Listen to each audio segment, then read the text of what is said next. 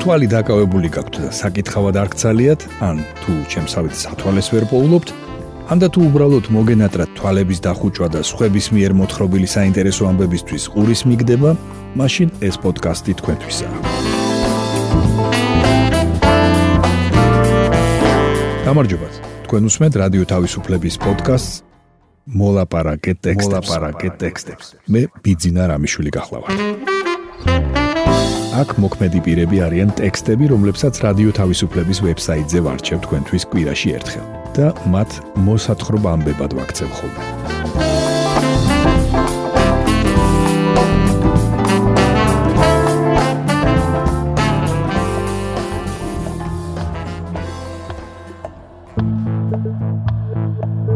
დღეს ვისაუბრებთ ბავშვების მიმართ სექსუალური ძალადობის თემაზე. გავიხსენებთ ქართული ძიუდოს გამოჩენილ წარმომადგენელს დავით ხახალეიშვილს. და ვნახავთ რა კავშირია საფრანგეთის კურორტ ბიარიცსა და კრემლს შორის.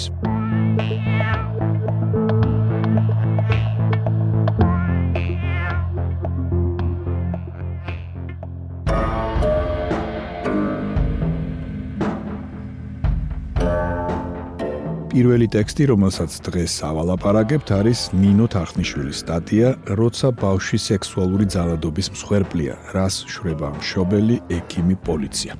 მშობლის, სკოლის, პოლიციის, სამედიცინო დაწესებულების, სახელმწიფო ზრუნვის სააგენტოს დროული რეაგირება და რაც მთავარია, ძალადობის მსხვერპლი ბავშვის ფსიქოლოგიური თუ იურიდიული დახმარება, ეს ის ჩამონათვალია, რომელიც ბავშვზე ყოველი მორიგი ფიზიკური თუ სექსუალური ძალადობის გახმოურების შემდეგ ზედაპირზე ტივტივდება და ყოველ ჯერზე კლაუდ ჰაუსი ჩენს პრობლემები, რომელთა მოგვარებაც წლებია ვერ ხერხდება.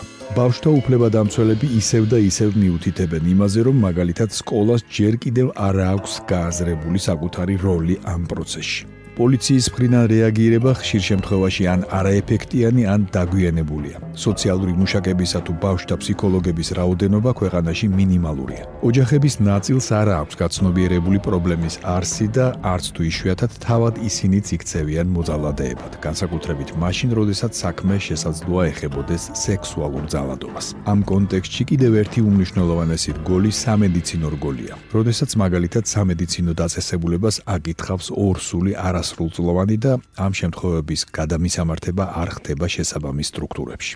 საქართველოს ერთ-ერთ რეგიონში მომხდარი სექსუალური ძალადობის შემდეგ 12 წლის მოზარდი მშობელმა რეგიონიდან თბილისში გადაიყვანა საცხოვრებლად.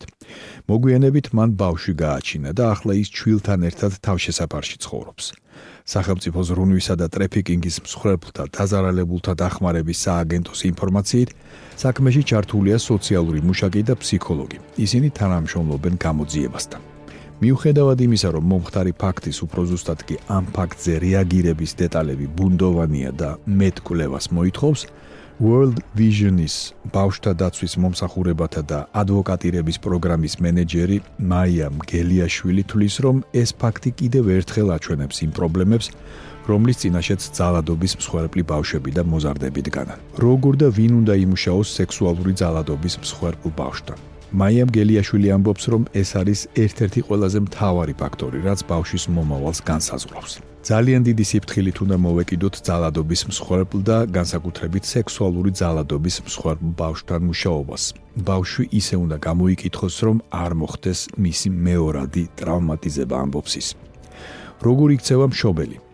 ხშირად თავად მშობლებს არ ყოფნით კომპეტენცია იმისთვის, რომ სექსუალური ძალადობის მსხვერპლ ბავშვებს საჭირო და რაც მთავარია, დროული დახმარება გაუწიონ.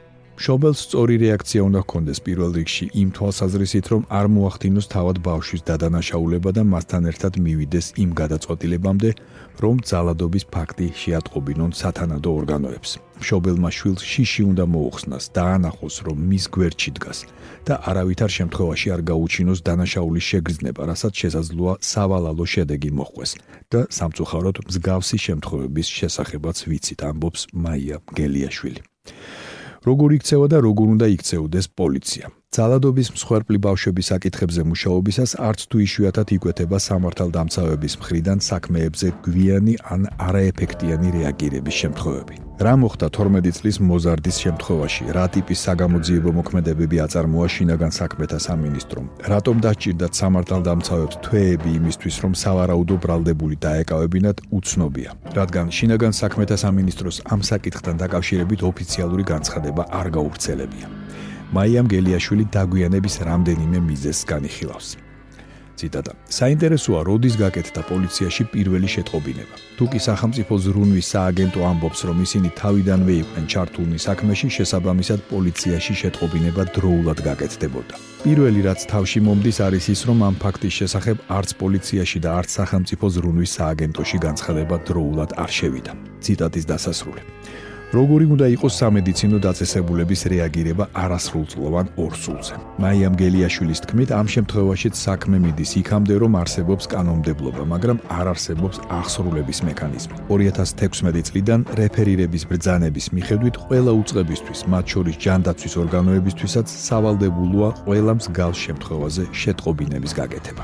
ეს გახლდათ ნაწყვეტები ნინო თარხნიშვილის სტატიიდან, როცა ბავშვი სექსუალური ძალადობის მსხვერპლია. რას შრება მშობელი, ექიმი, პოლიცია.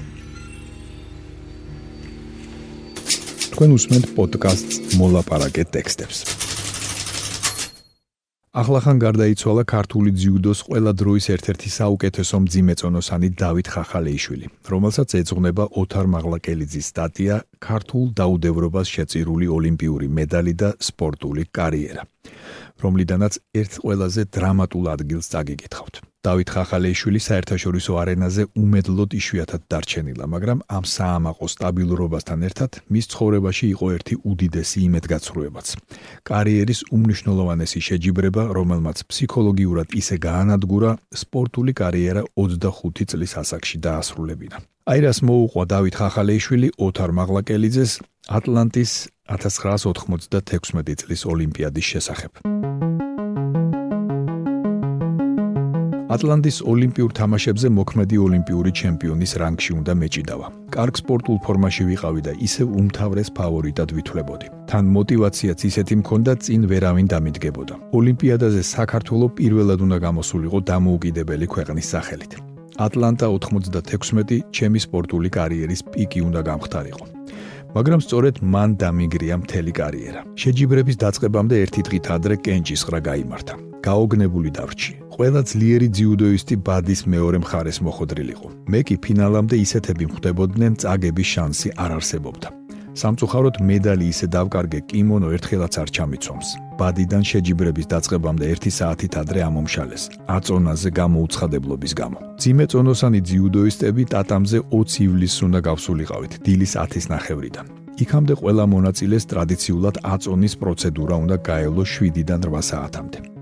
შვიდის ნახევრისთვის უკვე ჩვენ корпуსთან მდგომ ელექტრომობილში ვიჯექი ნაკრების მწვრთნელ ბერდია გუგავასთან ერთად. დარბაზში რამდენიმე წუთში მივედით, მაგრამ იქ არავინ დაგხვდა. ვიღაცამ გითხრა აწონა სხვაგანაა, აქ არ უნდა მოსულიყავითო.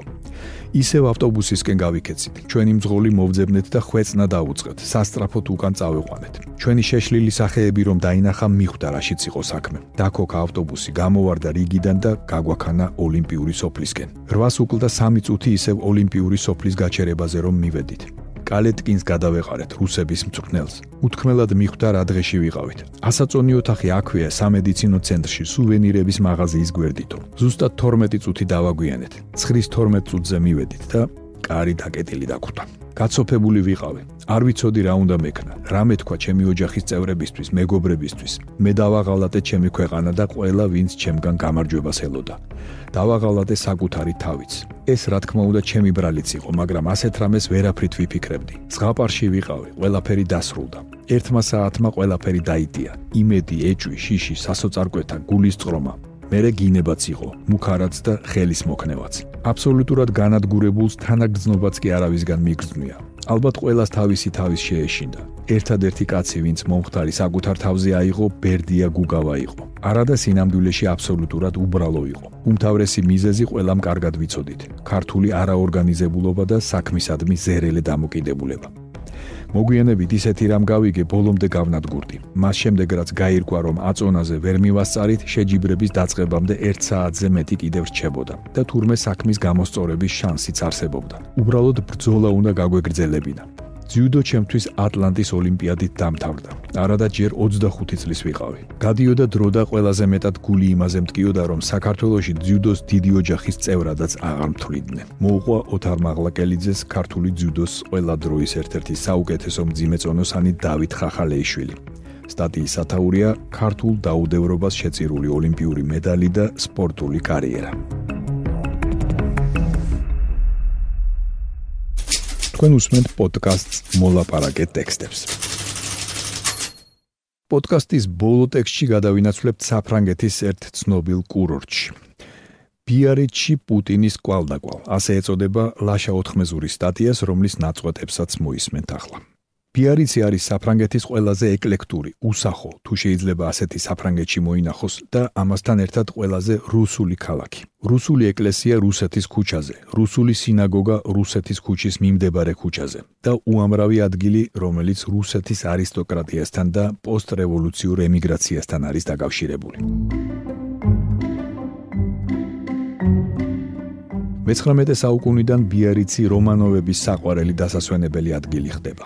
ალექსანდრე მეორის, ალეksandრე მესამისა და نيكოლოზ მეორის ოჯახები ყოველწლიურად რამდენიმე თვეს ატარებდნენ ამ ოკეანისპირა კურორტზე. რომანოვების კვალდაკვალ ბიარიც ხშირად სტუმრობდა კულტურული არისტოკრატია. ანტონ ჩეხოვი, ვალენტინ სეროვი და ივან აივაზოვსკი.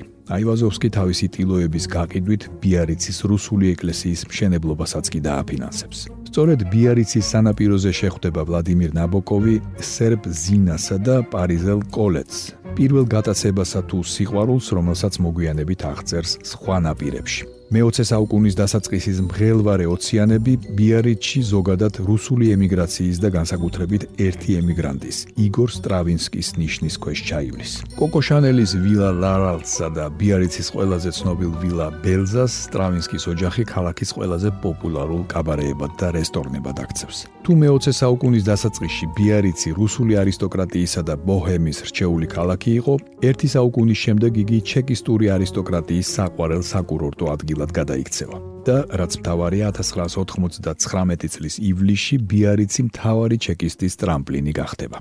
სწორედ ოკეანისპირა ამ საკურორტო ქალაქში დასვენებისას შეიტყობს FSB-ს იმდროინდელი შეფი ვლადიმირ პუტინი, რომ ელცინმა ის აირჩია მემკვიდრედ. ბორის ბერეზოვსკი ასე იხსენებდა ამ ამბავს.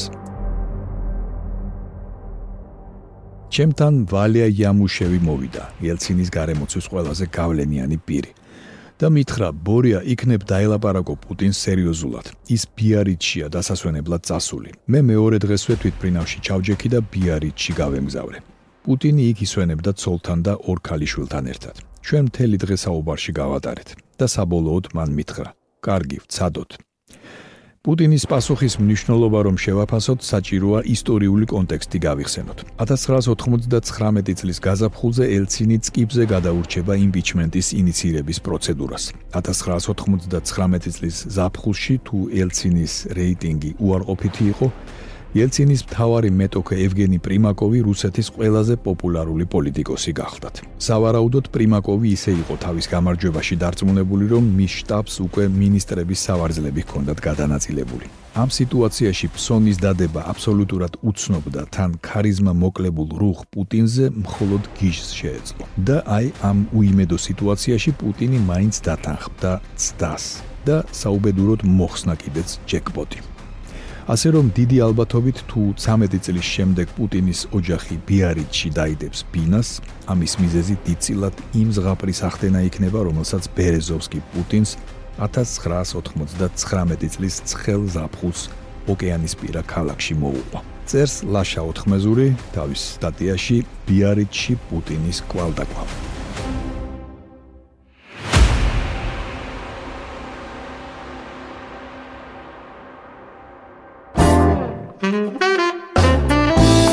თქვენ მოისმინეთ რადიო თავისუფლების პოდკასტი მოლაპარაკე ტექსტები. მე კვირაში ერთხელ ვარჩევ რადიო თავისუფლების ვებსაიტზე გამოქვეყნებულ ტექსტებს და მათ მოსათხრობამდე ვაქცევ ხოლმე. ჩვენი პოდკასტი შეგიძლიათ გამოიწეროთ, ჩამოტვირთოთ ან მოისმინოთ პირდაპირ რადიო თავისუფლების ვებსაიტზე. მისი მისამართია რადიო თავისუფლება წერტილი GE. თუ ჩემი მიერ მოთხრობილი ტექსტები სრული სახით დაგაინტერესებთ, მათი მოძებნა იულია. ვებსაიტზე, პოდკასტის გვერდზე იპოვეთ ყოველ ცალკეულ პროგრამაში მოთხრობილი ტექსტების ბმულებს. მე ბიძინა რამიშვილი ვარ. მომავალ შეხვედრამდე.